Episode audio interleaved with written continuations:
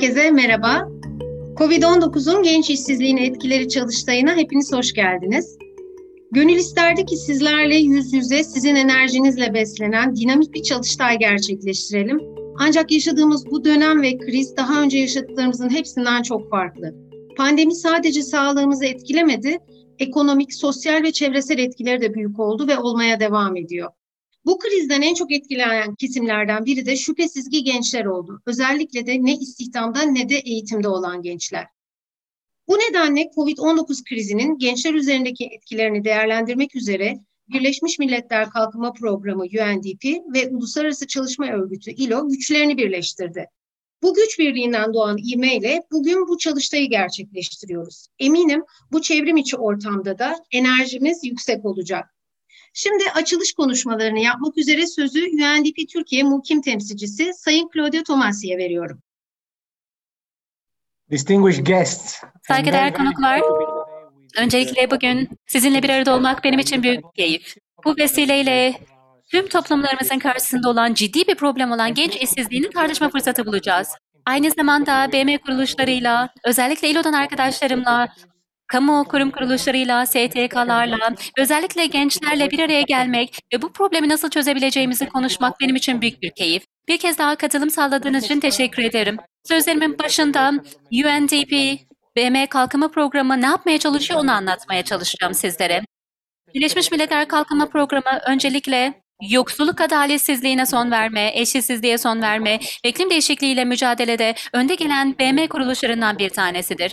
Bizler geniş uzman ağlarımızla ve 170 ülkede ortaklarımızla işbirliği içerisinde çalışarak entegre, uzun süreli çözümler oluşturmaya çalışıyoruz. Hem evrenimiz hem de insanlar için. Türkiye'de bizler kapsayıcı ve sürdürülebilir büyüme alanında çalışıyoruz. Aynı zamanda kapsayıcı demokratik yönetim alanında İklim değişikliği ve çevre alanında çalışmalarımızı yürütüyoruz. Aynı zamanda ortaklarımızla işbirliği içerisinde kalkınma zorluklarını çözmesine pratik çözümler geliştirmeye çalışıyoruz. Bunu yaparken de e, toplumsal cinsiyet eşitliğini merkeze koyuyoruz.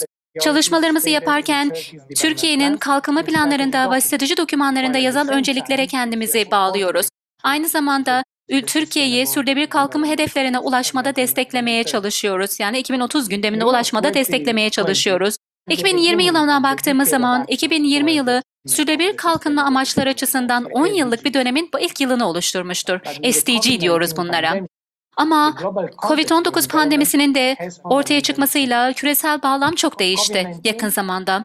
COVID-19 beraberinde sadece bir e, sağlık krizini getirmedi. İnsani krizi ve kalkınma krizini de beraberinde sürükledi.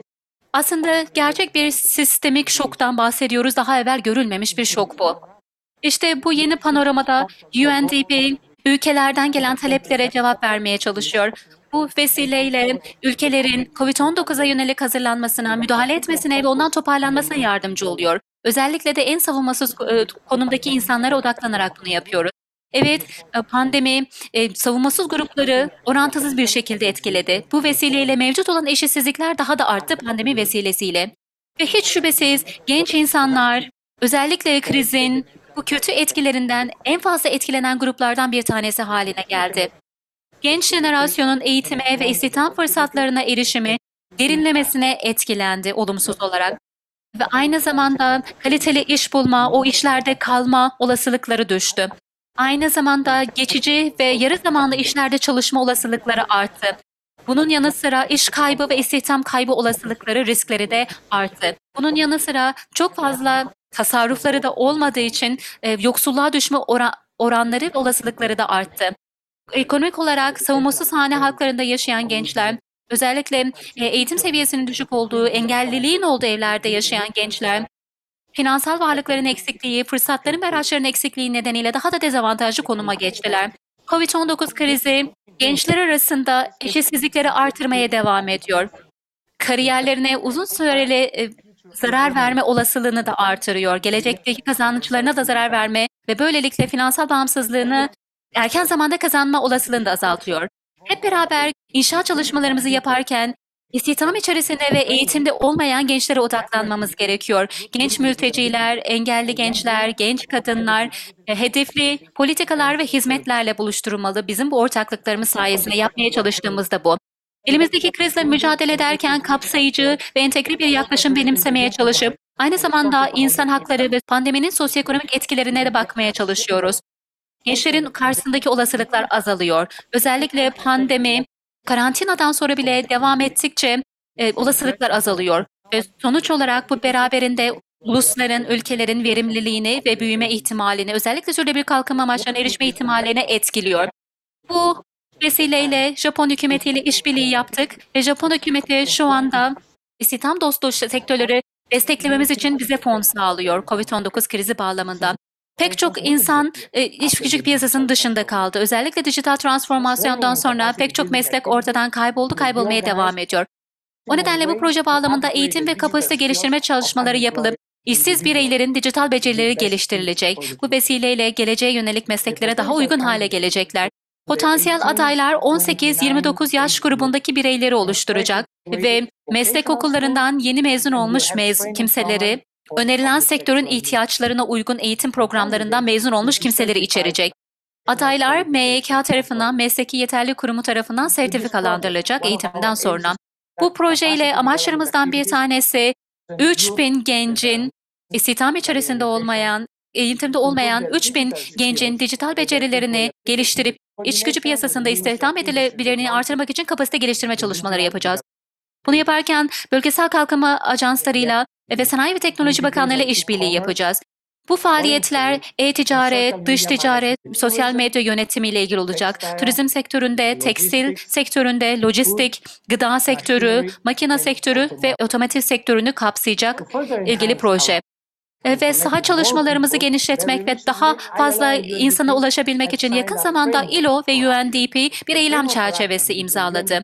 UNDP ve ILO arasındaki 2020 eylem çerçevesi işbirliğinin kilit alanlarına odaklanıyor ve onun üzerine konuş konuşlanıyor. Bizim kilit öncelik alanlarımızdan bir tanesi gençler için insana yakışır işlerin oluşturulması. Ve bu başlık altında e, COVID-19 bağlamında gençler için insana yakışır işlerin geliştirilmesi işbirliğini gerçekleştiriyoruz. Bunu yaparken de öğrenme kazanımlarını artırmaya çalışıyoruz gençler için. Bunun için de Özellikle kırılgan durumlardaki gençlerle işbirliğini sürdürmemiz gerekiyor. Bunun yanı sıra ev sahibi toplum ve Suriyeliler için mesleki eğitimlerin artırılması ve gençler için yeşil işlerin oluşturulması da bu çerçevenin bünyesinde olacak. ILO UNDP çerçevesinin parçalarından bir tanesi de Türkiye Ülke Ofislerimiz tarafından yürütülen bu çalıştaylar serisidir. Bugün gençler üzerinde COVID-19'un etkilerini görüşmek üzere bir çalıştay gerçekleştiriyoruz. Bu vesileyle gençler üzerinde COVID-19 ne kadar etkili olduğu, nasıl etkili olduğu diye seslerini duymaya çalışacağız. Aynı zamanda iş ararken özellikle COVID-19 döneminde ne tür sıkıntılar yaşadıklarını dinleme fırsatı bulacağız. Daha da önemlisi e, gençleri motive etmeye çalışacağız. Bu tür webinar serileriyle gençlerin sesini duyarak, duyurarak ve farklı arka planlardan gelen genç genç paydaşları sürece dahil ederek daha e, kapsayıcı müdahaleler ve aynı zamanda krize müdahalede ve toparlanma stratejilerinde daha uzun soluklu çözümler oluşturmayı planlıyoruz. Bugün hep beraber hepimizin taahhüdü sayesinde e, toparlanmanın ötesine bakacağız. Derslerimizi çıkaracağız, krizden ders çıkaracağız e, ve önümüzdeki dönemi buna göre belirleyeceğiz. Bu vesileyle bir kez daha hepinize hoş geldiniz demek istiyorum. Umut ediyorum ki bu çalıştay gençlerin hayatına, istihdamına, eğitimine ve ötesine katkıda bulunacak. Bir kez daha teşekkür ediyorum. Kolay gelsin diyorum Türkçe olarak. Teşekkürler.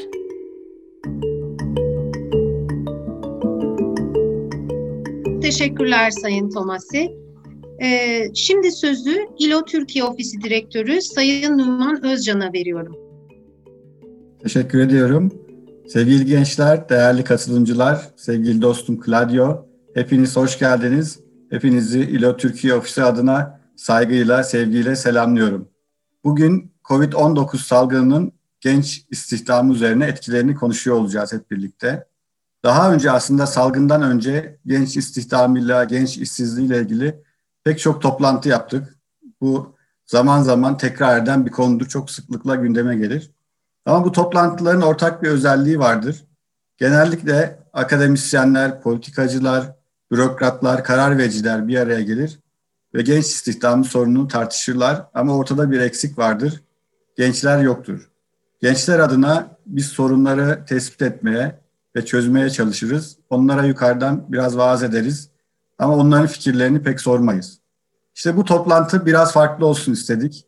Bu toplantıda gençleri dinlemek istedik.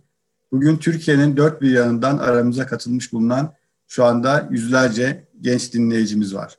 Yine sizlerin katılımını bu toplantıda almak üzere teknolojinin de imkanlarından yararlanarak interaktif bir program hazırladık sizlere. Genç işsizliği sorunu biraz önce söylediğim gibi COVID-19 salgınından çok önce de sadece Türkiye'nin değil dünyanın da en önemli gündem maddelerinden bir tanesiydi.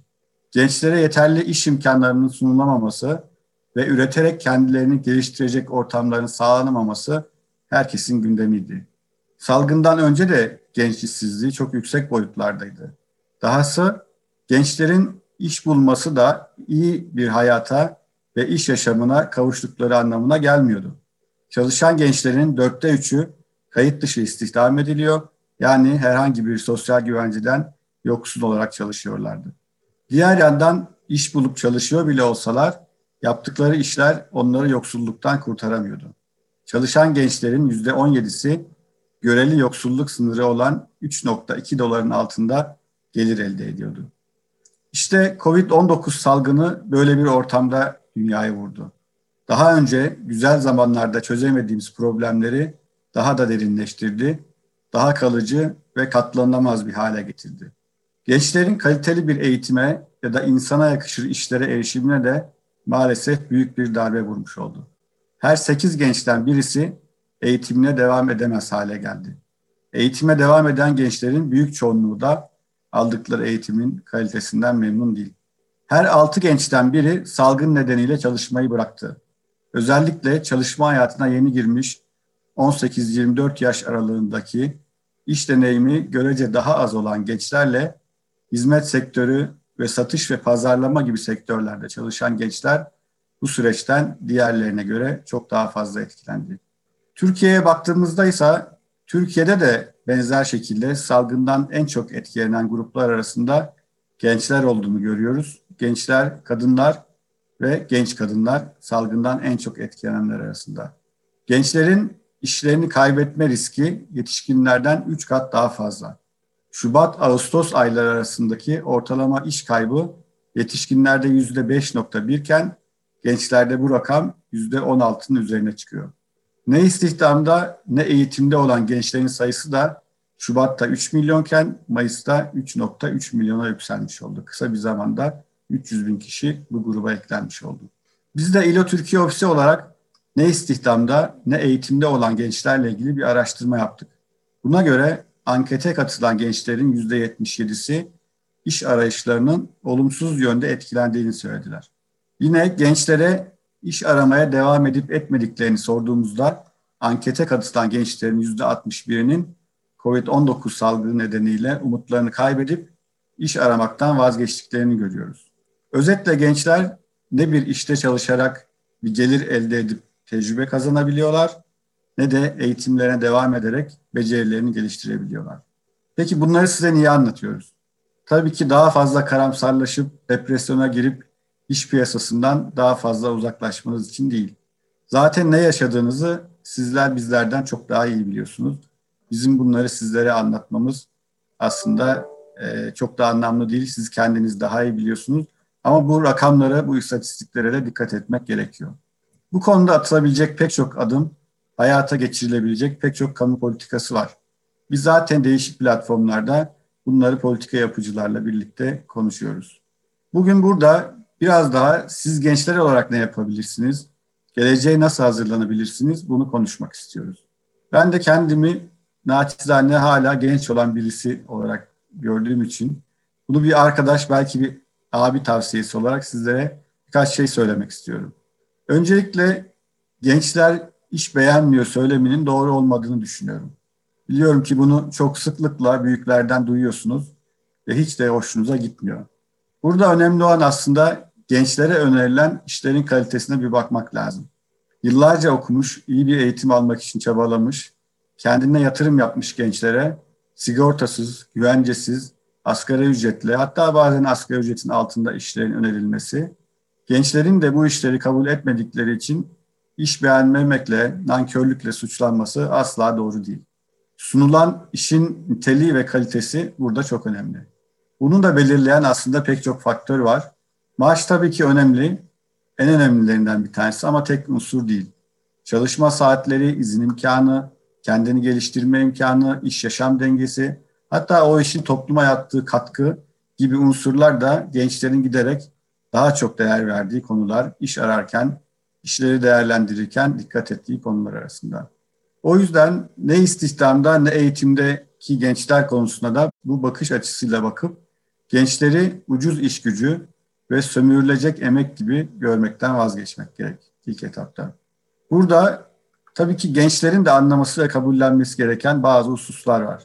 Dünyanın içinden geçtiği değişim ve dönüşümü iyi anlamak, dijitalleşme çağında istihdam ve eğitim arasındaki bağlantıyı iyi okuyabilmek gerekiyor. Son yıllarda gerçekleştirilen pek çok araştırma şu anda mevcut olan meslek gruplarının %30'dan fazlasının 2030 yılı itibariyle yok olacağını ve yeni beceriler gerektiren yepyeni işlerin ortaya çıkacağını gösteriyor. Diğer yandan gençler teknolojiyi daha iyi kullanmalarına rağmen robotlaşmanın, otomasyonun ve yapay zekanın işlerini ellerini, e, ellerinden almasından en çok endişe eden gruplar arasında. Yaşlılardan daha çok gençler bundan endişe ediyor. Aslında haksız da değiller. Zira gençlerin yapmakta olan işlerin otomasyona geçme ihtimalinin daha yüksek olduğunu görüyoruz. Dolayısıyla artık bir işe girip oradan emekli olma döneminin kapandığını kabul etmek gerek. Sürekli değişen ve dönüşen bir iş piyasası ve onun talep ettiği yeni beceriler var. Uyum kabiliyeti burada ön plana çıkıyor. Hem teknik olarak uyum hem de mental olarak bu konuya hazırlık. Öğrenmenin de durağan ve okuldan mezun olunca biten bir süreç değil, hayat boyu süren dinamik bir süreç olduğunu da benimsemek gerekiyor. Burada gönüllü çalışmanın önemini de bir kez daha vurgulamak isterim. Gönüllü çalışmaların sizlere sunacağı öz disiplinle hareket etme, takım çalışması ve topluma katkı sağlama deneyimi bir yandan çalışma hayatına girmede size bir kapı açacak, diğer yandan da özgüvenli ve mutlu bireyler olmanıza imkan sağlayacak. Son olarak bu çalıştayı birlikte organize ettiğimiz UNDP'ye ülke direktörü Sayın Claudio Tomasi şahsında teşekkür etmek istiyorum. Claudio, ILO, UNDP işbirliğinin küresel boyuttaki e, ana ana akımlarından, ana faaliyetlerinden ve Türkiye'de ne yapmak istediğimizden bahsetti. Alanında uzman iki Birleşmiş Milletler Kuruluşu'nun bir araya gelerek güçlerini gençlik konusunda birleştirmeleri çok önemli. Bundan sonraki süreçte de ILO ve UNDP olarak genç istihdamı konusunda birlikte çalışmaya ve çözümler sunmaya devam edeceğiz. Ayrıca bu toplantının organizasyonunda emeği geçen herkese ve siz değerli gençlere katılımlarınız için şimdiden çok teşekkür ediyorum. Önerilerinizi duymayı sabırsızlıkla bekliyorum. Ve sözü Sayın Moderatörümüze bırakıyorum. Çok teşekkürler Sayın Numan verdiğiniz bilgiler için ve gençlerin hislerine tercüman olduğunuz için.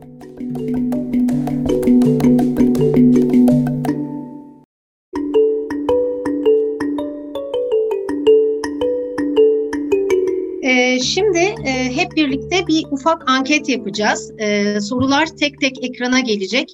Ee, sizler seçeneklerden birini işaretleyeceksiniz. Ankete katılanların ismi gözükmeyecek. Rahatlıkla anketi yanıtlayabilirsiniz. Burada e, birlikte e, karşı karşıya yüz yüze yapıyor olsaydık bu toplantıyı daha interaktif şekilde yapacaktık. Ama böyle bir renk katmaya çalıştık. Şimdi sorularımızı alalım lütfen.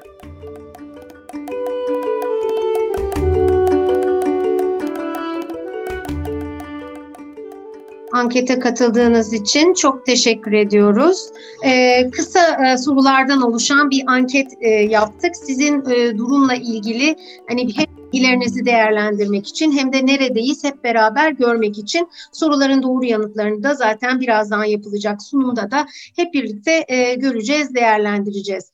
E, şimdi gençlerin iş gücü piyasasındaki durumuna ilişkin genel bir değerlendirme ve İLO'nun hazırladığı raporun temel bulgularını paylaşmak üzere e, sözü e, Uluslararası Çalışma Örgütü Ulusal İstihdam Uzmanı Gizem Karslı ve proje araştırma uzmanı Sayın Luis Pinedo Caro'ya veriyorum.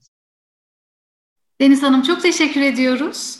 Öncelikle tüm gençlere ben de katılımları ve ayırdıkları vakit için teşekkür ederek başlamak isterim.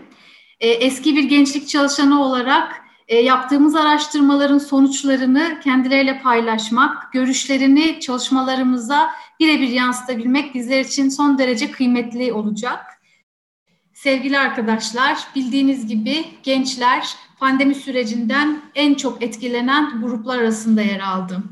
Bizler de Uluslararası Çalışma Örgütü olarak hem Türkiye hem de küresel düzeyde gençlerin pandemi boyunca insana yakışır işlere erişim noktasında nasıl etkilendiğini takip etmeye çalıştık. Sunumun detaylarına başlamadan önce altını önemli dikkat çekmek istediğim bir nokta var. Uluslararası Çalışma Örgütü olarak bizler çalışma hakkını temel bir insan hakkı olarak görürüz. Bütün gençlerin ve tüm insanların adil bir gelir ve güvenli bir iş ile yaşamını sürdürmesi gerektiğini tüm çalışmalarımızda savunmaktayız. Ve bütün yaptığımız çalışmaların aslında ana hedefi bu e, ilkeye katkı sağlamaktır. Peki biz Türkiye'de ne eğitimde ve ne istihdamda yer alan nasıl bir profilden bahsediyoruz? Gençler yaptığımız çalışmalarda bize kendileri hakkında ne demiş? Kısa bir giriş yaparak başlayalım. Öncelikle sizlere e, rakamsal bir veri paylaşmak isterim. İLO tarafından yapılan TÜİK verilerine dayalı olarak yapılan analizlere göre Şubat 2020'de ne eğitimde ne de istihdamda yer alan gençlerin sayısı 3 milyon. 3 ay gibi kısa bir sürede ise bu rakamın 3.3 milyona yükseldiğini görüyoruz. Bu gerçekten tüm dikkatlerin, tüm politika yapım sürecinde yer alan aktörlerin dikkatle takip etmesi gereken bir artış. Bunun altını çizmek isteriz. Ek olarak yaptığımız hem küreselde hem de Türkiye'de gençlerin katılımıyla yaptığımız anketlerde gençler kendilerini nasıl tanımlamış? Kim bu gençler? Onlardan biraz bahsedelim. Öncelikle ne eğitimde ne istihdamda yer alan gençlerin çok ciddi bir oranının kadınlardan oluştuğunun, kadınların e, eğitimlerine devamda ya da iş bulmak için çalışma hayatına katılımlarında çok büyük zorluk yaşamaya devam ettiklerinin altını çizmek isteriz. Yine mültecilerin istihdama, insana yakışır işlere erişim noktasında en kırılgan gruplar, need grupları yani ne eğitimde ne istihdamda yer alan gruplar arasında olduğunu çalışmalarımızda bir kez daha gördük. Ve gençler gençlerin talepleri çok belli. Gençler güvenceli bir gelecek hayali kurabilmek, e, eğitimlerine devam edebilmek, işsizlikle artık mücadele etmek zorunda olmamak, genç yoksulluğundan kurtulmak istiyorlar. Bu kadar e, kendilerini net bir şekilde ifade edebiliyorlar. Numan Bey'in de altın çizdiği gibi e, bizim size size anlatmamıza sanırım tekrar gerek yok. Çalışmalarımızın kaliteli eğitim fırsatlarına erişim noktasında ciddi sıkıntıların yaşandığını ve bu sıkıntıların artarak devam ettiğini gösteriyor. Özellikle pandemi sürecince gençler aile bütçesine katkı sağlayabilmek için eğitimlerine ara verip e, çalışıyor ve eğitimlerine verdikleri ara ne kadar uzarsa eğitimlerine devam imkanları da aynı oranda azalıyor maalesef.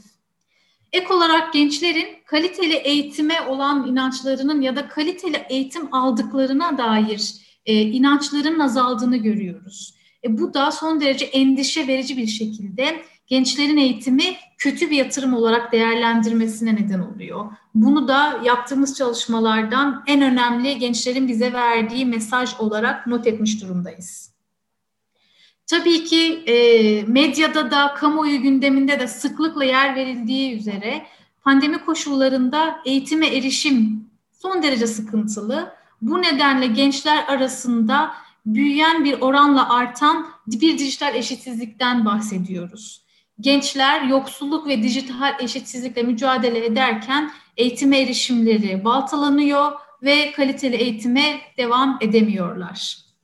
Bu peki neye neden oluyor? Çalışmalarımız İLO'nun farklı yıllarda uzun süredir devam ettirdiği çalışmalar bu yaşanan sıkıntıların sadece bireye özgü olmadığını gösteriyor.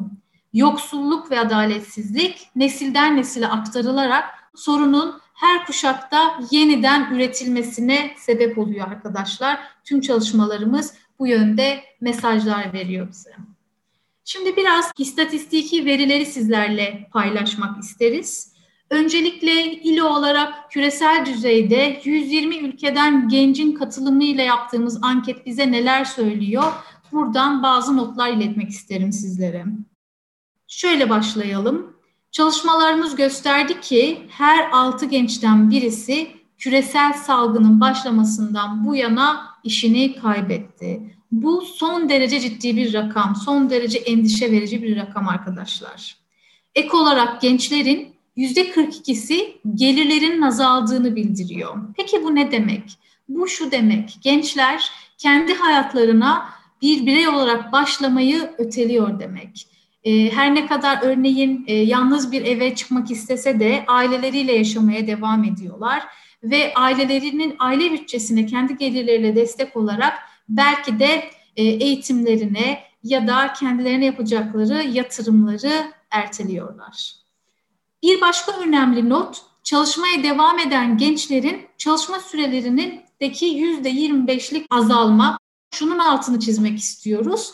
Ee, çalışma sürelerimiz azaldı. O zaman daha iyi bir tablo değil mi gibi yanlış anlaşılmaması adına altını çizmek istediğimiz şey burada gençlerin bizler malumunuz farklı e, kamu inisiyatifleri ve teşvikleriyle e, çalışma süreleri ve gelir de azalıyor. Bunu ölçebilmek adına bizler bu hesaplamaları gençlerin çalıştıkları saat üzerinden yapıyoruz. Bu da biraz önce bahsettiğim çalışma sürelerindeki bu azalma gelirlere de yansıyor. Gelelim Türkiye'ye. Türkiye'de ise e, bu veri geçtiğimiz günlerde TÜİK tarafından açıklanan rakamlarla da teyit edildi. Mezun olduktan sonra ücretli ve insana yakışır bir işte çalışan gençlerin sayısı sadece 4.70'den biri olarak karşımıza çıkıyor. Biraz önce altını çizmeye çalışmıştım. Bu rakamda gençlerin esasında eğitime olan inancını e, yitirmesine neden oluyor. E, dijitalleştiğimiz ve nitelikli iş gücünün önem kazandığı bir dönemde gençlerin eğitimden beklentilerinin düşmesi ise yine endişe verici bir sonuç. Peki gençler iş arama yöntem ve deneyimleri hakkında bizlerle neler paylaşmış? Türkiye'de yürüttüğümüz çalışmalar bize gösterdiği tablo ve rakamlar şöyle. Ankete katılan Türkiye vatandaşı gençlerin %77'si, mülteci gençlerin ise %61'ini iş arayışları süreçlerinin olumsuz yönde etkilendiğini söylüyor. Bu ne demek? Bu gençlerin başvurabilecekleri açık pozisyonların azaldığı, ya da iş başvurularına olumsuz dönüşlerin arttığı anlamına geliyor. E peki bunun tabii ki bir sonucu var. Bu da Numan Bey'in de altın çizdiği üzere gençlerin artık iş arama umutlarını kaybettiklerini gösteriyor.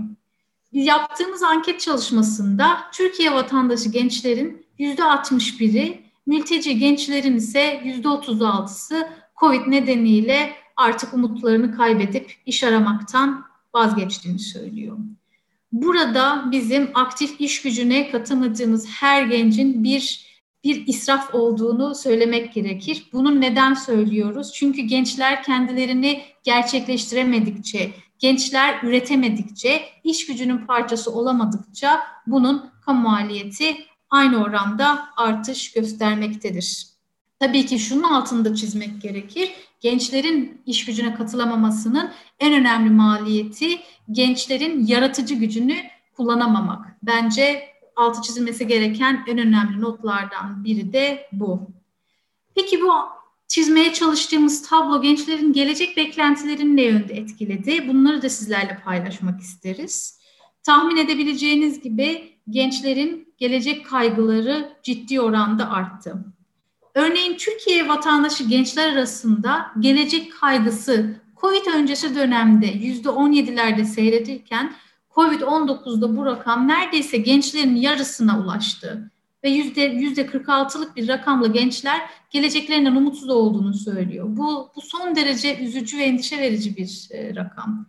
Peki bu tablo mülteciler arasında nasıl? Mülteciler arasında biz bu tablonun 3 kat arttığını görüyoruz mülteci gençlerin yüzde 31'i COVID sonrasında gelecek umutlarından e, olumsuz yönde etkilendiğini ve kaygı seviyelerinin arttığını bildirmiş durumda. Şimdi sizlere biraz e, yaptığımız nitelikler, niteliksel ve niceliksel çalışmalarla gençlerin nasıl etkilendiğini gösterdik.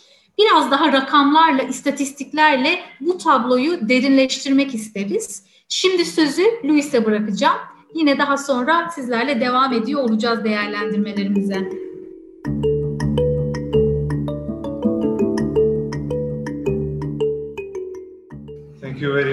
Çok teşekkür ediyorum. No wonder, uh, Merak ediyorum. Uh, Geleceği gençler nasıl görüyorlarmış? Plenty of reasons in the past and now they have even more. Zaten geçmişte bu problemi yaşıyorlardı, artık daha da fazla yaşıyorlar.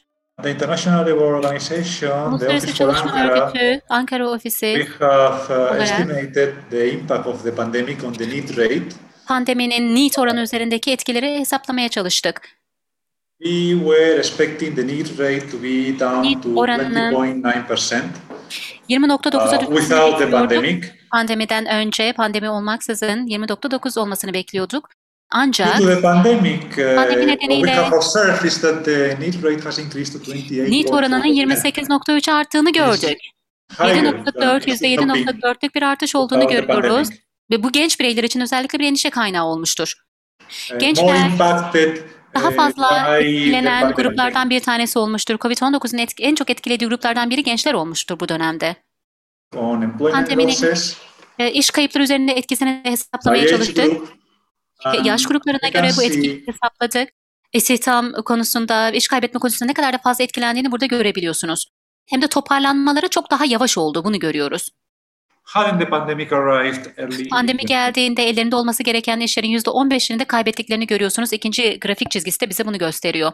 Now, one of the groups we are more concerned about are needs with disabilities. Özellikle engelli need gruplarını burada konuşmamız gerekiyor. reason of our concern has to do with their access or difficulties accessing the labor market. İş gücü piyasasına erişimde yaşadıkları zorlukları düşünerek need gençlerini burada dikkate almamız gerekiyor diye düşünüyorum. I'm sorry Mr. Lewis, could you please switch your channel tamam, to çok English? özür diliyoruz. Lütfen İngilizce kanalına geçebilir misiniz? Türkçe kanalından konuşuyorsunuz sanırım çeviri gerçekleştirilemiyor.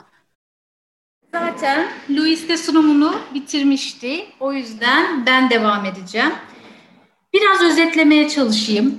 Louis'in derinlemesine yaptığı istatistiki analizlerde gördüğümüz üzere engelli bireylerin, need sınıf statüsündeki engelli bireylerin insana yakışır işlere erişimleri bu grup arasındaki en kırılgan grup olmalarına neden oluyor. Bu istatistikler bize acil bir şekilde gençlerin insana yakışır işlere ulaşmalarını destekleyecek gençler farklı kırılımların ihtiyaçlarına cevap verebilecek politika yapım süreçlerinin, eylem planlarının başlatılması gerektiğini görüyoruz. Tabii ki çalışmalarımız istatistiki analizler içerdiği kadar gençlerin çözüm önerilerini de yansıtıyor. Özellikle genç bütün anket çalışmalarımızın ciddi bir yüzdesi gençlerin çözüm önerilerini dinlemeye, yaşadıkları sorunları bizlerin ne gibi destekler sağlayarak bir çözüm getirebileceğini sorduk. Ve bu bizlere önerdikleri çözüm önerilerinden en çok seçilen, en tercih edilen ve en kritik olanları sizlerle paylaşmak isteriz. Sunumumuzun başında altını çizdiğimiz üzere gençlerin de bizlerin de beklentisi ve algısı aynı. İnsana yakışır işleri temel bir insan hakkı olarak tanınmasını gençler de en az bizim kadar talep ediyor. Bir diğer öne çıkan sonucun kaliteli ve ücretsiz eğitime erişim olduğunun altını çizmek isteriz. Özellikle COVID-19 salgını süresince daha hissedilir hale geldi malumunuz. İnternete erişim, gerekli altyapıların eksikliği gençlerin eğitimlerine devam etmesinde büyük ket vurdu. Gençler aynı zamanda e, birçok istihdam teşvikleri bekliyor. Hatta birçok e, kamu tarafından verilen birçok teşviğin işverenlere yönelik olduğunun inanın bizden çok daha farkında, bilincindeler ve bu süreci takip etmekteler. Ek olarak e, maaşlı iş başvurularının tabii ki birçok genç takip ediyor, başvurularını yapıyor ama girişimcilik teşvikleri ve girişimcilik yönündeki destek beklentileri de son derece yüksek. Anket çalışmamızda bunları gördük. Girişimcilik desteklerinin arttırılması sanıyoruz gençlerin kendi işlerini başlatabilmeleri, yaratıcı ve inovatif fikirlerini e, pratiğe dökebilmeleri için önemli bir araç teşkil ediyor. Tabii Covid salgını ile önemi artan gençlerin de bu yöndeki beklentilerini sıklıkla altını çizdiği bir diğer nokta ise güvenli bir çalışma ortamı. Bundan iki mesaj çıkarabiliriz. Bir tanesi ve ile olarak e, hem kendi ofisimizde yani kendi evimizde hem de tüm ortaklarımızla yaptığımız gibi e, altını çizdiğimiz gibi iş sağlığı ve güvenliği koşullarının sağlanması. Gençlerin bu yöndeki beklentileri çok yüksek. Bir diğer güvenli çalışma ortamı algısı ise güvenceli işlere ulaşmak, güvenceli işlere ulaşmak böylelikle de güvenli bir gelecek beklentisi sahibi olabilmek. Gençlerin beklentisini bu şekilde özetledikten sonra sizlerin sorularına geçmek istiyoruz. Malumunuz e, bizi çok sevindirici bir şekilde e, ciddi bir katılımla gerçekleştiriyoruz bu etkinliğimizi. Bu nedenle çok arzu etmemize rağmen sizlerin her sorusuna ne yazık ki cevap veremiyoruz ya da sizleri duyamıyoruz. Ama umuyoruz ki kısa zamanda sizlerle daha e, buna imkan verecek ortamlarda buluşup sorularınızı, her bir sorunuzu elimizden geldiğince cevap veriyor olacağız. Ama bize bugüne şu ana kadar iletmiş olduğunuz sorulardan bazılarını seçmeye çalıştık ve bunları Louis ile birlikte cevap vereceğiz. İlk sorumuzu hemen sizlerle paylaşmak isterim. Beceri uyumsuzluğu konusunda İLO'nun bir projek projeksiyonu var mı? Orta ve uzun vadede neler yapılabilir? Beceri uyumsuzluğu yani arz ve talebin, gençlerin e, aldıkları eğitimin piyasadaki açık pozisyonlarla uyumu noktasında ili olarak tabii ki hem Türkiye'de hem de küresel düzeyde çalışmalarımız sürüyor. Biraz önce altını çizdiğimiz otomasyon ve dijitalleşmenin de etkisiyle e, farklı farklı projeksiyonlar yapıyoruz. Ama programlarımızı özellikle mesleki eğitim faaliyetlerimizi planlarken şunu özellikle yapıyoruz. Malumunuz ili olarak sosyal ortaklar çok çok kullandığımız bir kelime. Nedir bu sosyal ortaklar? İşçi sendikalarının, işveren temsilcilerinin ve devletin ortak e, programlama ve uygulama yapmasıdır. İşte biz bunu uyguluyoruz birazcık beceri uyumsuzluğunu e, adres edebilmek için. Ne yapıyoruz? İşkur tarafından yayınlanan açık pozisyonlara e, olabildiğince e, küçük ölçeklerde yani bir bazen il bazında ulaşmak mümkün olmasa da olabildiğince küçük ölçeklerde mutlaka dikkate alıyoruz. E, mutlaka e, sanayi odalarından, esnaf odalarından açık pozisyonlara, beklentilerine yönelik e, eğitim planlarını ve beklentilerini alıp eğitimlerimizi buna göre seçiyoruz. Tabii ki bunlar çok e, uzun vadeli sonuçlar değil. Bunlar bizlerin verdikleri mesleki eğitim programlarında izlemeye çalıştığımız e, yöntemler. Ama e, daha politika bazında, daha uygulanan e, çalışmaları ulusal ve uluslararası düzeyde değerlendirdiğimiz zaman da bu konudaki analiz, izleme ve projeksiyonlarımızı yapıp tüm ilgili paydaşlarla paylaştığımızı söyleyerek bu sorunu cevaplamış olmayı umut ediyorum. Ama e, biz her zaman e, bizlere ulaşıp bu konularda daha detaylı tartışmaları yapabiliriz. Bunun da not düşmüş olayım.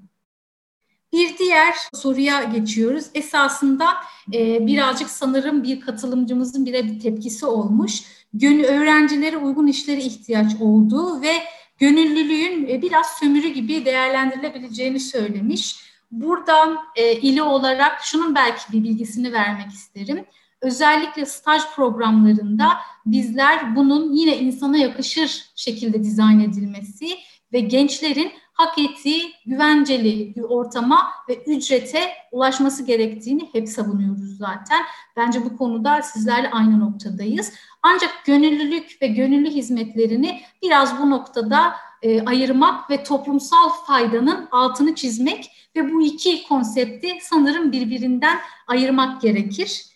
E, bir öneri olarak da üniversite öğrencilerinin ya da öğrencilerin okurken bir gelir elde etmelerine imkan verecek iş önerilerinde biz de e, gerekli e, paydaşlarımıza iletmek üzere not düşmüş olalım. E, biz bir yine bir görüş e, verilmiş. Demiş ki bu görüşte arkadaşımız hani mülteciler acaba e, hali hazırda zaten az iş var. Bunun e, birazcık artmasına mı yani işsizliğin artmasına mı e, neden oluyor? Ben bunu kendi görüşlerimi değil ama e, bölge Mersin'de çalıştığımız e, çok değerli ortakların e, çok güzel özetlemişti bu konuyu. Ondan bir alıntıyla cevaplamak isterim. Bu e, yine iş dünyasından bir temsilcimizdi kendisi. Dedi ki bizim göçü güce dönüştürmemiz lazım. İLO olarak sanırım bizler de bunu yapıp bunu savunmaya çalışıyoruz. Yarat bir iş, genç bir iş gücüne sahip olmak, gençlerin yaratıcılığını e, bizim üretim süreçlerimize katmak hiçbir zaman iş kaybına yol açmaz. Bilakis e, daha çok işlerin ortaya çıkmasına neden olur.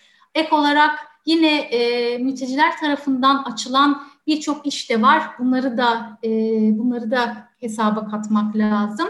İnanın bizler e, ortak bir paydada ortaklıklarımızı görüp yaşadığımız sıkıntıların ortaklıklarını gördüğümüz ve çözüme odaklandığımız zaman böyle bir sorunu biz hiç gözlemlemiyoruz. Bunu çok açık yüreklilikle cevaplayabilirim.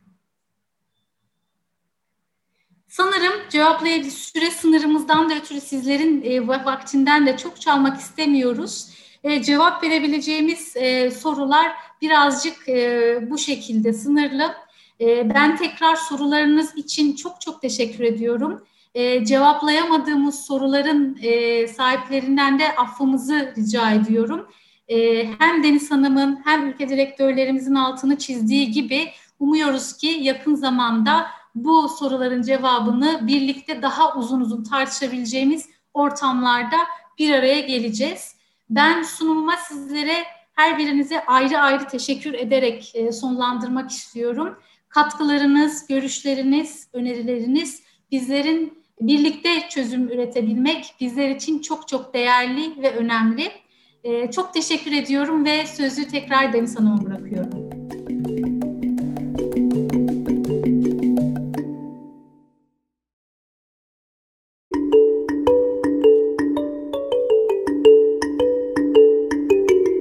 Teşekkürler Gizem Hanım e, ve Luis e, sunumunuz için, paylaştığınız bilgiler için ve sorulara verdiğiniz yanıtlar için. E, gönül isterdi ki karşı karşıya olalım. Tabii bütün soruları cevaplayalım. Herkesin sorusuna yanıt bulalım. Ancak biz sizin e, sorularınızın hepsini alıyoruz, topluyoruz, derliyoruz. Belki bu çalıştay sorulara yanıt vermemiz için yeterli olmayabilir zaman açısından. Ancak bu çalıştaylarımız devam edecek. Birkaç çalıştayımız daha olacak ve sonrasında bir gençlik forumumuz olacak. Biz buradaki sorularınızın cevaplarını bu süreçte e, birçok dökümana ve planlamaya yansıtıyor olacağız. Bunun bilgisini verdikten sonra e, şimdi sizden duymak istiyoruz tekrar. E, keşke hani bir arada olsak ve açık uçlu sorular sorabiliyor olsaydık sizlere. Şimdi çoktan seçmeli sorularımız olacak yine. Burada da e, bu süreci e, yönetmek üzere ben sözü e, İLO'dan İstihdam ve Beceri Geliştirme Uzmanı Nuran Turun Atış'a vermek istiyorum. Teşekkürler Deniz Hanım. E, merhaba değerli genç arkadaşlarım. E, oldukça güzel e, bir sayı, bir katılımla bugün birlikteyiz. E, gönül isterdi ki sizinle yüz yüze olalım, enerjimizi aynı salonda paylaşalım. Ama maalesef yapamıyoruz ve sayımız çok olduğu için de e, soru cevap bölümüne sık sık e, görüş dile getiren, e, söz almak isteyen arkadaşlarımızın ifadelerini görüyoruz. Sesli olarak ve ucu açık sorularla bolca yer veremeyeceğiz. Ama sizin için kestirmeden böyle e, dijital bir çözüm elimizdeki kaynaklarla şöyle ürettik. Bir kamuoyu yoklaması yapacağız şimdi. Sizlerden ricam önümüzdeki bir 5-10 dakikayı ekranda tek tek size görünecek olan sorulara e, düşünerek ne beklediğinizi, devletten, sivil toplumdan, sendikalardan, İLO'dan, toplumdan ne beklediğinizi, emek ve çalışma hakkında ne düşündüğünüzü, nerede olduğunuzu düşünerek sorulara cevap vermeniz. Bu soruların cevapları bizi şuraya götürecek. Gençler bu konuda toplumdan ve kurumlardan bunu bekliyorlar. İhtiyaçları budur diyeceğiz ve biz Uluslararası Çalışma Örgütü ve Birleşmiş Milletler Kalkınma Programı olarak her yerde sizlerden aldığımız birincil bilgiyle, görüşle, sizlerin beklentileriyle savunuculuk yapabileceğiz. O yüzden şimdi teknik ekibimizden rica ediyorum. Ee, ilk sorumuzla başlayalım. Ee, teknik ekibimiz bunu altıncı soru olarak görüyor olmalı. Ekranlarınıza yansıyacaktır. İstihdam neden bugün bizi burada toplayacak kadar önemli? Ee, arkadaşlar e, görünüyor ki aslında beni şaşırtan bir sonuç oldu. Ben e, gençlerin e, gelir ve güvencesizlik ortamında daha çok gelir ve sosyal güvenlik kısmına ağırlık vereceğini düşünmüştüm. Çok büyük bir kısmınız, yüzde 63'ünüz öncelikli olarak çalışmak bir yaşama amacı ve öz saygı geliştirdiği için önemli. Onun için biz istihdamı konuşuyoruz demişler. Bu gerçekten sevindirici çünkü ILO 1944'te Philadelphia Deklarasyonu'nda da söylediği gibi emek bir meta değildir diyor. Yani piyasada satacağımız, karşılığını ücret olarak alacağımız bir şey değildir. Emek bizi hayatta var eden, mutlu eden daha büyük bir olgudur diyor. Siz de bunu onadınız. Çok teşekkür ediyorum. E, diğer bütün unsurlarda çok önemli tabii ki. E, üzerimize düşeni yapmaya çalışacağız bu konuda da. Bir sonraki soruya geçelim. İşe alınmayı beklemekten vazgeçen ve iş bulma ümidini yitiren bir birey sizce hangi alternatif yollara yönelebilir? Sonuçları görüyorsunuz. Becerilerini geliştirmek, seçeneklerini artırmak için yeni eğitim alanlarına yönelebilir. Biraz önce beceri uyumsuzluğu ile ilgili bir soru da gelmişti. Hepimiz demek ki şunun farkındayız. Becerilerimiz çok hızlı eskiyor ya da geçersiz hale geliyor. Bireyin üzerine düşen sorumluluk burada becerilerini gözden geçirip neye ihtiyaç var dış çevresinde onunla uyumlandıracağı yeni beceriler edinmeye çabalamak ama burada birey asla yalnız bırakılmamalı devlet, işveren ve e, sivil toplum bunun bir parçası, katkı vereni olmalı. Gençleri bu yönde desteklemeli. Aynı şekilde girişimci olabilir demiş yüzde yirmi beşiniz. Yüzde on beşiniz sivil toplumda gönüllü olabilir demişsiniz. Ee, bir kısım diğer demiş. Diğer diyenleri şimdi en son 11. sorumuz açık uçlu bir soru olacak. O sorunun cevabında görüşlerini paylaşmalarını isteyeceğim. Bir sonraki soruya geçelim. Covid-19 gençlerin, siz gençlerin geleceğini nasıl etkileyecek dersiniz? Burada birbirine yakın sonuçlar çıktı. Doğal olarak bugün sizinle online buluşuyoruz. Evlerimize kapandık birçoğumuz. Evden çalışmak yerleşik ve yaygın bir uygulama haline dönüşeceği görüyorsunuz siz de yüzde 42'niz. Ee, yine önemli bir ağırlığınız, e, bölümünüz daha fazla alanda teknoloji insan emeğinin yerine geçecek. Bu tehlikeli bir durum. Ee, Sayın e, Ülke Direktörümüz Numan Bey de e, buna işaret etti. Yeni işler çıkacak fakat çok büyük hızla da teknoloji insan emeğini ikame ediyor olacak. Burada değerli olan bir şey var genç arkadaşlarım.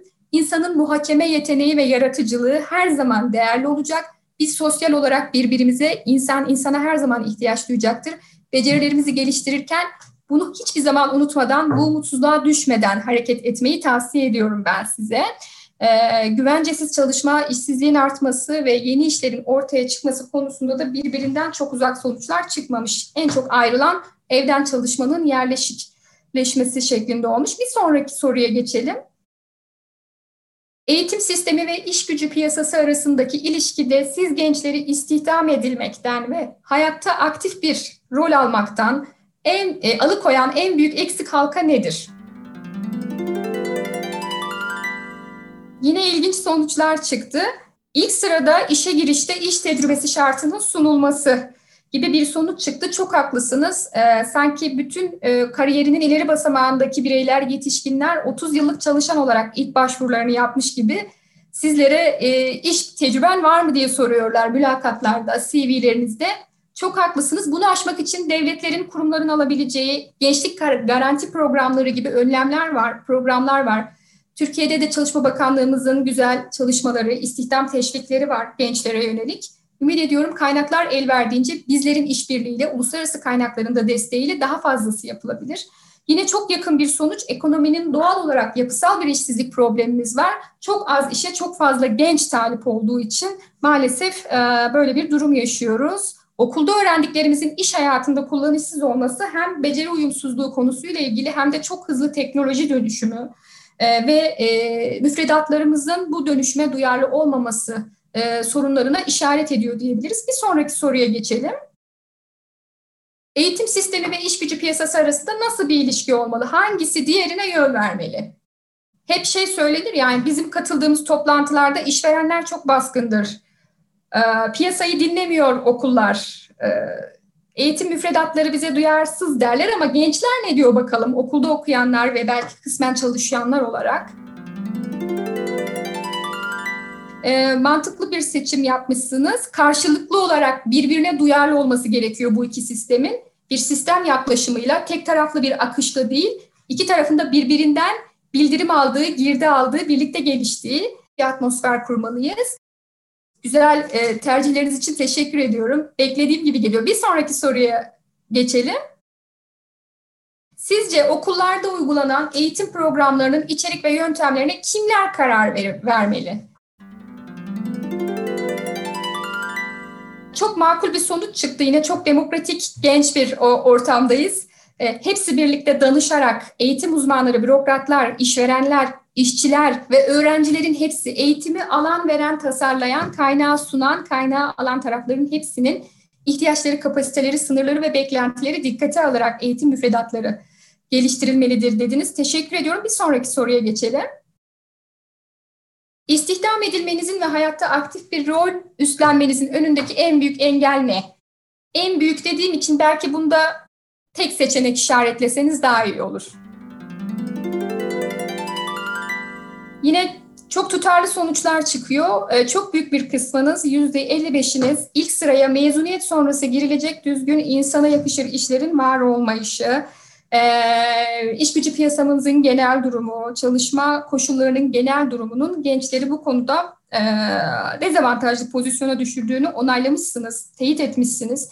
E, ikinci sırada eğitim için mali kaynakların yetersizliği, e, gençler istedikleri, arzu ettikleri nitelikte ve sürede ve hayatlarının e, birçok aşamasında hayat boyu öğrenme mantığıyla kaliteli eğitime erişmek e, sorunu yaşıyorlar diyebiliriz o zaman. Bu beklenti biraz onu ortaya çıkarıyor. Aldığım eğitimin yetersizliği, işe giriş ve devam için kolaylaştırıcı teknolojiler aranızda çeşitli fiziksel engeller yaşayanlar var mı bilmiyoruz ama özellikle onların işe giriş ve e, devamlılıkları için kolaylaştırıcı teknolojiler son derece önemli. Bu konuda da yine e, Türkiye'de devletin bir takım tedbirleri var. E, bizlerin de katkıları oluyor. Bir sonraki soruya geçelim. Sona doğru yaklaşıyoruz. Sabrınızı rica ediyorum. Aktif hale gelmenizin ve istihdamınızın önündeki engelleri aşmak için devletten öncelikle ne bekliyorsunuz? %65'iniz çalışmam için daha çok güvenceli ve insana yakışır iş olanakları, çalışamadığım zamanlarda da sosyal güvenlik istiyorum demişsiniz. Çok haklı bir talep. E, ağırlıklı olarak bu yönde kullanmışsınız. Yani e, insana yakışır işlerde çalışmalıyım ama benden kaynaklanmayan ya da kısmen bir insan hakkı olarak e, ara vermek istediğim dönemlerde, çalışma hayatından uzak kaldığım dönemlerde beşikten mezara beni koruyacak bir sosyal güvenliğe ihtiyaç duyuyorum demişsiniz. E, devletten bunu bekliyorum demişsiniz. Mezuniyet sonrası işe giriş garantisi yine çok baskın olarak işaretlediğiniz bir tercih. Dediğim gibi gençlik garanti programları, genç istihdamına dair sübvansiyon programları buna hizmet ediyor. E, girişimcilik, nitelikli ve erişilebilir iş ve meslek kariyer danışmanlığı hizmetleri ve kaliteli eğitim güçlü diploma beklentilerinizin de olduğunu hatta güçlü diploma beklentinizin kayda değer düzeyde yüksek olduğunu görüyorum.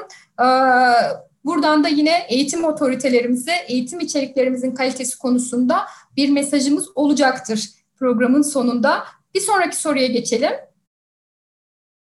Ee, aktif hale gelmeniz ve istihdamınızın önündeki engelleri aşmak için işverenlerden öncelikle ne bekliyorsunuz? Kişi ya da örgütlü olarak işverenleri düşünebilirsiniz burada.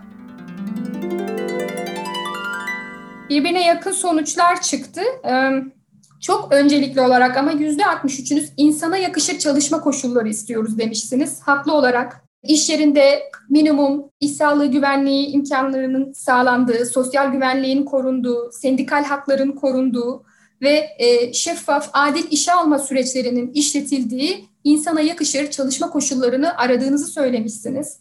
Sonra ikinci sırada da çalışırken öğrenme ve beceri geliştirme fırsatları, sonra şeffaf işe alım süreçleri bekliyoruz demişsiniz. Bu D şıkkında özellikle çalışırken öğrenme ve beceri geliştirme fırsatları arayışınız çok haklı bir arayış. Burada da şunu onadınız aslında, birçok e, karar alma e, masasında e, beceri geliştirmek ya da geliştirmek devletin sorumluluğu olarak görülüyor. E, ülkemizde de biraz öyle. İşverenlerin de burada büyük bir sorumluluğu olduğunu siz de e, işaret etmiş oldunuz. Çok teşekkür ediyorum. Son sorumuza geldik. Aktif hale gelmeniz ve istihdamınızın önündeki engelleri aşmak için sivil toplum ve sendikalardan öncelikle ne bekliyorsunuz?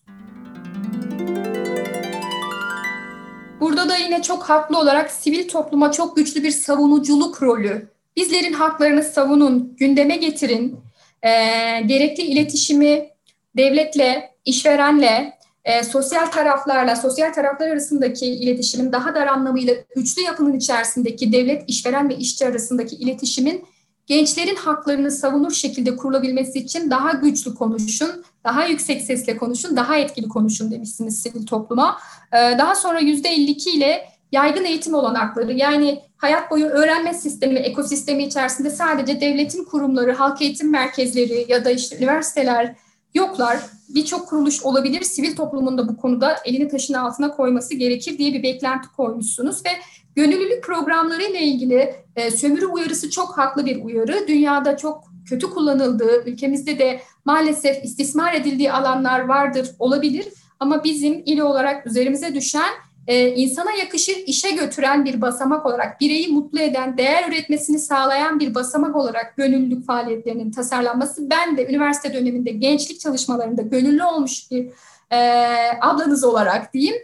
E, bunu böyle konumlandırmak isterim. Sizin aklınızda da bu şekilde belirmiş olmasından çok memnun oldum. E, çoktan seçmeli sorularımız bitti. Şimdi sizden e, ricam son ucu açık bir sorumuz var. Bu soruda sizden chatbox bölümünde şu an size aktif olarak açılmış olacak o bölüm. E, şunu cevaplamanızı istiyoruz. Göreceksiniz soruyu da. Uluslararası Çalışma Örgütü ya da Birleşmiş Milletler Kalkınma Programı Türkiye ofislerinde bir proje yürütme şansınız olsaydı, yani elinizde kaynak var, projeyi siz tasarlayacaksınız. Genç işsizliği sorununu çözmek için öncelikle ne yapardınız? Çok çok uzun olmak zorunda değil, bir cümle, birkaç e, kelime ya da en fazla iki üç cümle ile kendinizi ifade edebilirsiniz. Biz bunları buradan toplayacağız. Şimdi hepsini paylaşamayacağız sizinle, analiz edemeyeceğiz ama Önümüzdeki dönemde sosyal taraflarla ilişkilerimizde kendi proje tasarımlarımızda elbette ki dikkate alacağız. Sabrınız ve çok değerli katkınız için teşekkür ediyor. Sözü yine Deniz Hanım'a bırakıyorum. Hoşçakalın. Teşekkürler Nurhan Hanım sadece bir anket yapmadık. Aynı zamanda anketin sonuçlarını değerlendirirken de sizden çok değerli bilgiler almış olduk. Burada aslında temel başlıklara ilişkin katılımcılarımızın neler düşündüğünü anlamaya çalıştık. E, bu değerlendirme sizlerin, katılımcıların aslında farkında olduğu durumu biraz daha net anlamamızı, e, konuya ilişkin görüşlerinizi almamızı ve bundan sonraki sürece yansıtmamızı da bir araç olarak kullanmamızı sağlayacak.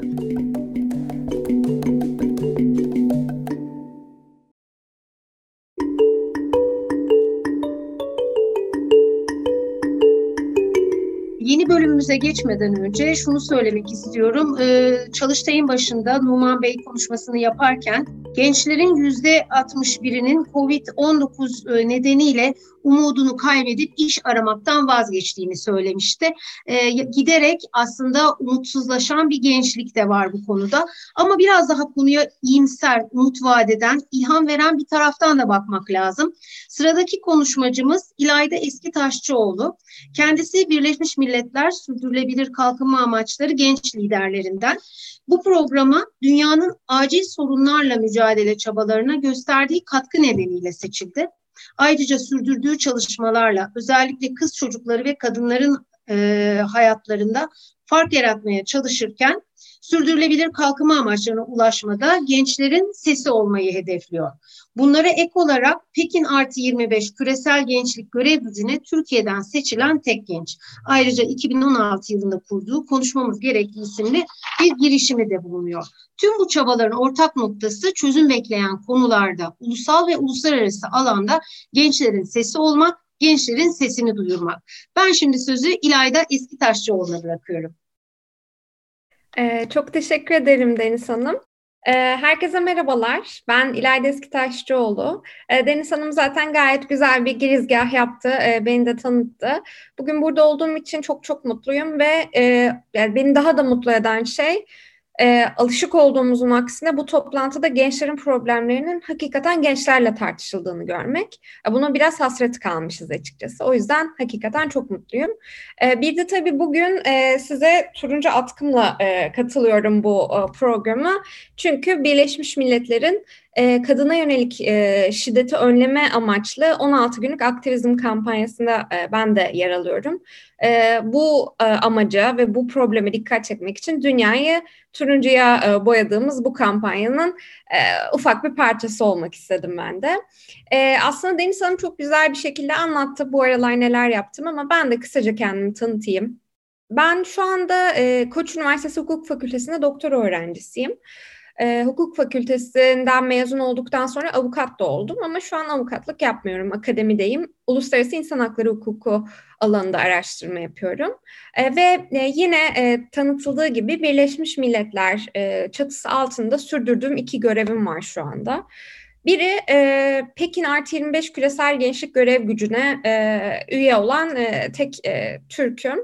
E, bu aslında 1995 yılında imzalanan ve kadın hakları için bugün en önemli politik belgelerden biri olan e, Pekin Deklarasyonu'nun 25. yılı için Birleşmiş Milletler Kadın Biriminin toparladığı bir e, görev gücü. E, dünyanın dört bir yanından 40 genciz ve Birleşmiş Milletler'e son 25 yılda e, kadın haklarına yönelik ne gibi kazanımlar oldu, ne gibi kayıplar oldu, gençler toplumsal cinsiyet eşitliği için neler talep ediyor, bunu dile getirmeye çalışıyoruz. Bir diğer görevim de sürdürülebilir kalkınma hedefleri için e, genç liderlerden biri olarak seçildim yakın bir zamanda. Sürdürülebilir kalkınma hedeflerine çoğumuz aşinayızdır diye düşünüyorum ama çok kısaca e, küresel amaçlar olarak da bilinen ve yoksulluğun ortadan kaldırılmasından e, iklim krizine e, tepki vermeye, barışa, sürdürülebilir tüketime kadar e, ulaşan çok geniş bir skalada daha sürdürülebilir, daha iyi bir gelecek için belirlenen 2030'a kadar gerçekleştirilmesi hedeflenen 17 amaç. Biz de e, dünyanın dört bir yanından 17 genç lider olarak bu amaçların hakikaten gerçekleştirilmesi için ne yapılması lazım? Gençler nasıl katkıda bulunabilir ve gençler bu amaçlar gerçekleştirilirken nasıl politika yapımlarında öncü rol alabilir? Ee, bunu e, bu amaçla e, bir araya geldik ve bu amaçla çalışıyoruz. Bir de son olarak Birleşmiş Milletler ve akademik şapkalarımı çıkardığım zaman benim e, kalbimde çok özel bir yeri olan 2016 yılında kurduğum Konuşmamız Gerek isimli bir sosyal girişim var. Ee, konuşmamız gerek. Türkiye'de regl yoksulluğu ve regl tabusuyla mücadele ediyor. Regl yoksulluğu deyince kaşlarınız kalkmış olabilir. Ee, kulağa biraz garip gelen bir kavram. Ama bu şunu ifade ediyor aslında. Türkiye'de ne yazık ki 2020 yılında dahi regl döneminde mutlaka kullanılması gereken hijyenik ped ya da tampon gibi menstrüel temel hijyen ürünlerine erişimi olmayan bir sürü insan var. Ee, ben de konuşmamız gereki bu amaçlı kurdum. Çünkü e, menstrual ürünleri, temel hijyen ürünlerine herkesin hakkı olduğunu inanıyorum. Özellikle de mülteciler, mevsimlik tarım işçileri ve köy okullarına giden kız çocukları odaklı olmak üzere Türkiye'nin dört bir yanında saha çalışmaları düzenliyoruz. Ve e, çocuklara, genç kadınlara, regl olan herkese regl olmak hakkında, ergenlik hakkında, kişisel hijyen hakkında gönüllü doktorlarla eğitim veriyoruz. Ve bunların yanında onlara bir hasat mevsimi ya da bir eğitim sömestri boyunca yetebilecek kadar hijyenik pet temin ediyoruz. E, bugüne kadar e, 8 binden fazla kişiye ulaşmayı başardık ve çalışmaya da devam ediyoruz. Hakkari'den İstanbul'a, Sivas'tan Adana'ya kadar e, her yere gittik. Tarlalarda, köylerde, e, kamplarda çalıştık. Bu benim hayatımdaki en önemli proje diyebilirim. Şimdi peki bugün ben aslında bu bütün bu kimliklerden bağımsız olarak burada sizin aranızda bir e, genç kadın olarak, sizin kadar gelecek kaygısı taşıyan bir genç kadın olarak bulunuyorum. E, fikirlerinizi deli gibi not aldım bu arada. O anketlerden çıkan cevapları ve soru cevaba yazdınız. Özellikle sivil toplumda örgütlü arkadaşlardan harika öneriler geldi. Onları e, deli gibi not aldım. E, Genel Sekreterliğe bağlı Gençlik Özel Elçisine ben bizzat ileteceğim. Ve dediğim gibi aslında bugün burada yer almamın en önemli sebeplerinden biri tıpkı sizin gibi gelecek belirsizliği, gelecek kaygısı yaşayan genç bir kadın olmam. Ee, ben doktora öğrencisi olduğum için doktora bursuyla geçiniyorum. Dolayısıyla bu süreçte işsizliği deneyimlemedim bizzat. Ama Covid-19 döneminde bütçe kesintisi sebebiyle ben de evimden oldum, evimden e, çıkarıldım. Ve e, aylarca e, kısıtlı işte doktora bursu bütçesiyle üç ev arkadaşımla birlikte e, bir e, daire bulmaya çalıştık. Daha dün e, kira sözleşmemi imzalayabildim. Yani demem o ki işsizliği deneyimlemesem de sınırlı bir bütçeyle ve gelecek kaygısıyla yaşamanın ne demek olduğunu biliyorum. Bu tatsız konuyu e, genç arkadaşlarla birlikte e, tartışmak çok güzel ve e, biraz böyle bana yaşama sevinci aşılayan bir şey oldu. Bunun için hem ILO'ya hem UNDP'ye bizzat teşekkür ederim. E, gençleri ilgilendiren bir problemi gençlerle paylaşıp konuştuğunuz için. Raporun bulguları zaten ortada ve içinizi daha da karartmaya niyetim yok. E, bu yüzden daha da fazla problem üzerine konuşmayacağım. Ben de bu raporun yanı sıra OECD ve Dünya Bankası'nın verilerine baktım ve gördüm ki herhangi bir krizde bu Covid gibi bir pandemi olmak zorunda değil. 2008 krizinde de böyle olmuş. Ee, ilk gözden çıkarılan, iş gücünde ilk gözden çıkarılanlar hep gençler oluyor. Peki çözümler ne? Biraz bundan konuşalım. Gerçekten içimizin daraldığını biliyorum. Evet gençler mutsuz, gençler iş arıyor, gençler gelecek konusunda kaygılı ve endişeli. Ama bununla nasıl başa çıkmamız lazım? Yani nasıl hayatta kalabiliriz? Dünyanın farklı yerinden gençlerle birkaç aydır e, Covid ile nasıl başa çıktıklarına dair görüşüyorum. Ve buralardan öğrendiklerimi derledim ve birkaç temel noktayı sizinle paylaşmak istiyorum. Birincisi her konuda olduğu gibi gençlik temsili bu konuda da bu krizle mücadelede de çok önemli. İyileşme planlarında ekonominin su üstünde kalabilmesi için özellikle büyük şirketlerin, örneğin havayolu şirketlerinin korunmasına e, inanılmaz bir özen gösterildiğini görüyoruz. Ancak bu iyileşme planlarında gençlerin durumunun pek önceliklendirilmediğini görüyoruz. E, ne yazık ki hala devam eden e, gençlerin devletten e, maddi götürleri olan bir demografik grup olarak görülmesi problemi var. Ee, ama bizim de mutlaka karar alma mekanizmalarında ve COVID iyileştirme planlarında e, o karar alıcıların bulunduğu toplantı masalarında yer almamız gerekiyor. E, bunun için karar vericilere, politikacılara elimizden gelen her kanaldan baskı yapmamız gerekiyor. Bu sosyal medya olabilir, kamuya açık bir toplantıda söz alıp isteklerimizi dile getirmek olabilir. E, biz de buradayız ve şekillendirilen bütün politikalarda bizim de isteklerimiz ve endişelerimiz değerlendirmeye alınmalı. Bu ne yazık ki istenilen düzeyde değil bu arada. Bunun da gayet farkındayım. Çok basit bir örnek verelim. Türkiye'de mecliste yalnızca 8 adet e, 30 yaş altı milletvekili var. Halbuki Türkiye'de 18-30 yaş grubu ülke nüfusunun üçte birini oluşturuyor. Ülke nüfusunun üçte biri mecliste yüzde bir oranında temsil ediliyor.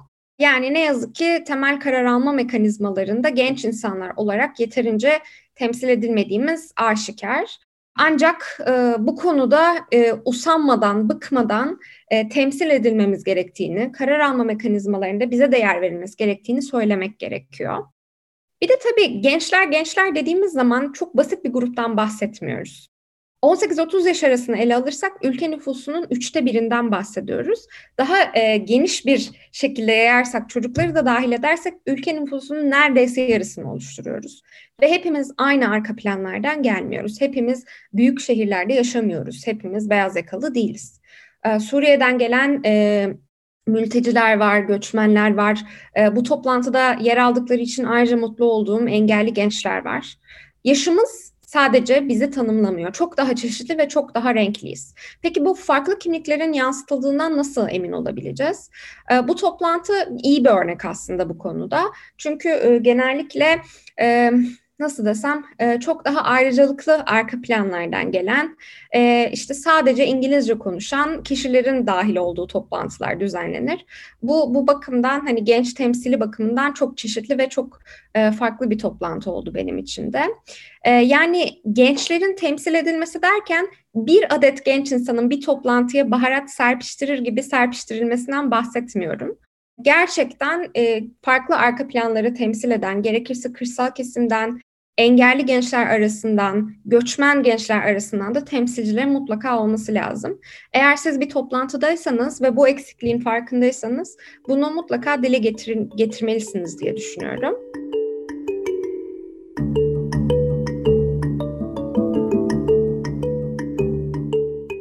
De tabii ki e, birbirimize bağlanabildiğimiz tek platform bu online toplantılar. E, ne mutlu ki bir online toplantıda tercüme e, hem engelliler için hem de ana dili Türkçe olmayanlar için tercüme hizmeti var ama bildiğiniz gibi her toplantıda yok. Yine bir toplantıda tercüme hizmetinin sağlanmadığını gördüyseniz bunu bir yorum olarak iletmek bile bir fark yaratacaktır diye düşünüyorum tamam işte politika e, yapımları konusunda almamız gereken tavır belli ama bu dönemde nasıl hayata tutunacağız, nasıl başa çıkacağız? Bir kere bu dönemin olağanüstü bir dönem olduğunu kabul etmemiz gerek ve kendimize iyi davranmamız gerek. İş bulamamamız e, bizim kalifiye olmamamızdan kaynaklanmıyor. Hakikaten dünya tarihinde daha önce görülmemiş bir pandeminin, bir krizin ortasında hayatta kalmaya çalışıyoruz. Ve mental sağlığımızı korumamız her şeyden çok çok önemli e, sosyal medyada yansıtıldığı gibi e, pandemide hayatta kalmaya çalışırken bir yandan iki dil birden öğrenmek, bir yandan beş tane dijital sertifika programına katılmak, bir yandan bir hobi geliştirmek ve spor yapmaya devam etmek zorunda değiliz. Ben bu verimlilik kültürünün de sosyal medyadaki verimlilik kültürünün de çok toksik bir hal almaya başladığını düşünüyorum hayatta kalmaya çalışmamız ve e, eski verimliliğimize sahip olmamamız gayet normal. E, bir kere bunu tekrar tekrar kendimize hatırlatmamız ve hep mental sağlığımızı ön planda tutmamız önemli. Tabii bütün bunları yaparken e, bomboş oturmak e, da bize iyi gelmeyecektir. Kendi hızımızda kendimizi geliştirmeye devam edebiliriz uzun süredir gözden geçirmediğimiz özgeçmişi gözden geçirmek ya da uzun süredir ertelediğimiz yabancı dil çalışmalarına dönmek e, bir çözüm olabilir. Ama dediğim gibi her zaman kendimizi ve mental sağlığımızı önceliklendirerek kendi hızımızda.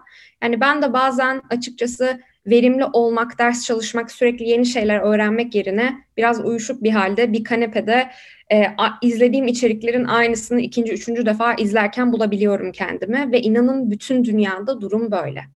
Yine bu dünyadaki farklı gençlerle konuşurken e, gençler arası dayanışmanın ne kadar önemli olduğunu fark ettim ben de. Çok basit aslında. Gençler arası dayanışma zannettiğimiz kadar karmaşık ve zor bir kavram değil.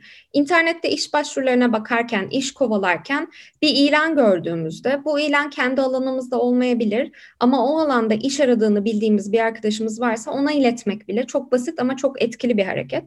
E, mesela ben geçenlerde e, doktora için işte çeşitli araştırma fonlarına, projelerine e, bakarken bir grafik tasarım ilanı gördüm. Ben hukukçuyum hani hiçbir işim yok, beni de ilgilendirmiyor. Ama grafik tasarım mezunu olduğunu bildiğim ve iş aradığını bildiğim bir arkadaşıma yönlendirdim. Ve e, işe alındığını öğrendim iki gün önce. E, ne mutlu bana bir şekilde aracı olmuş oldum. Biz de bunu yapabiliriz. Kendimizi ilgilendirmeyen, kendi alanımızda olmayan iş ilanlarını dahi sosyal medyada paylaşarak ya da ilgilenebileceğini düşündüğümüz arkadaşlarımızla paylaşarak başka insanların hayatında fark yaratabiliriz. Numan Bey'in söylediği bir konuya tekrar döneceğim. Kesinlikle kendisine katılıyorum. Bu sürekli tekrar edilen gençler iş beğenmiyor, gençler tembel e, söylemini asla ben de kabul etmiyorum. Evet çok zorlu bir dönemden geçiyoruz. Evet iş imkanları çok çok sınırlı ama biz yine de insana yakışır, emeğimizin karşılığını aldığımız, güvenli, sağlıklı bir çalışma ortamının sunulduğu bir işi hak ediyoruz ve bunu talep etmek en büyük hakkımız. Bunu talep etmek ne nankörlük ne de şımarıklık. Aksine e, bir hak iddia etmek. E, dolayısıyla her ne kadar koşullar zor olsa da İLO'nun da e, sloganında olduğu gibi e, insana yakışır bir iş talep etmekten asla vazgeçmememiz lazım. Ee, ben de uzun süreler e, ücretsiz stajlar yaptım, yazlarımı bu şekilde geçirdim ve ne kadar zorlayıcı olduğunu biliyorum ama yine de e, dik durmak, güçlü durmak ve haklarımızı e, talep etmekten vazgeçmememiz gerekiyor. Bu arada bir hukukçu olarak ufacık bir tavsiye, mutlaka ve mutlaka iş kanununu şöylece bir incelemek ve iş sözleşmelerimizin bir kopyasını talep etmek çok şey, çok fark yaratabiliyor. Ve evet sistemin dönüşmesini talep ediyoruz ve bu konuda çabalamaya devam edeceğiz bütün gücümüzle. Ama gereğinden fazla idealizme de gerek yok diye düşünüyorum. Eve ekmek götürmemiz ve kiralarımızı ödememiz gerekiyor. Kısa vadede iş bulmanın önceliğimiz olduğu açık. Bu yüzden aslında bütün bu e, birkaç aydır e, katıldığım e, genç işsizliği ve istihdam sorunlarıyla ilgili toplantılarda herkesin konuştuğu, herkesin ulaştığı bir sonucu sizlerle paylaşmak istiyorum istihdam edilebilme şansımızı artırmak için geleceğin en parlak, en açık sektörlerine yönelmeyi de düşünebiliriz. Bu birincisi oldukça klişe, bunu zaten herkes konuşuyor ama dijital becerilerin, dijital okur yazarlığın ve kodlamanın üzerine gitmek çok büyük bir artı. Bir de ilerisi için mutlaka sürdürülebilirlik, yeşil ekonomi, iklim krizine getirilen öneriler, sürdürülebilir enerji kaynakları gibi alanların da sektörlerinde önü çok çok açık. Yani bu alanlara yatırım yapmak, kendimizi bu alanlara e, yönlendirmek ve bu alanlarda kendimizi eğitmek e, bizim için çok faydalı olabilir diye düşünüyorum. Dediğim gibi gençlerin dayanışmasının kıymeti çok çok büyük. Ekran başında anormal vakit geçirdiğimizi, Zoom toplantılarından çok sıkıldığımızı biliyorum bir konsere, bir tiyatroya gitmeyi çok çok özlediğimizi de biliyorum. Ama bu zor günler geçecek ve atlatacağız. Birbirimize destek olmak, e, bizden daha zor günler geçirdiğini düşündüğümüz bir arkadaşımıza biraz vakit ayırmak bile çok değerli bir hareket. Bir de şöyle bir e, nokta var, onu da değinmeyi unutmayayım. E, biz bugünün tırnak işareti içinde çömez çalışanları olabiliriz. Ama yarının işverenleriyiz ve yarının çalışma kültürünü biz inşa ediyoruz. Bazılarımız kendi işlerini, kendi sosyal girişimlerini kuruyor. Şu anda talep ettiğimiz ve hakkımız olan adil çalışma koşullarını bizler de işe aldığımız arkadaşlara sunabiliyor olmalıyız. Ee, mesela burada asla kendimi övmek ya da örnek göstermek istemiyorum ama benim kendi sosyal girişimimden e, gurur duyduğum kendimizce ürettiğimiz bir çözüm önerisi vardı. Konuşmamız gerek olarak bu yaz ilk defa e, yaz stajyeri aldık. E, çünkü normalde saha projelerinde hep e, tarlalarda, e, bağlarda e, çalışıyoruz, köylere gidiyoruz.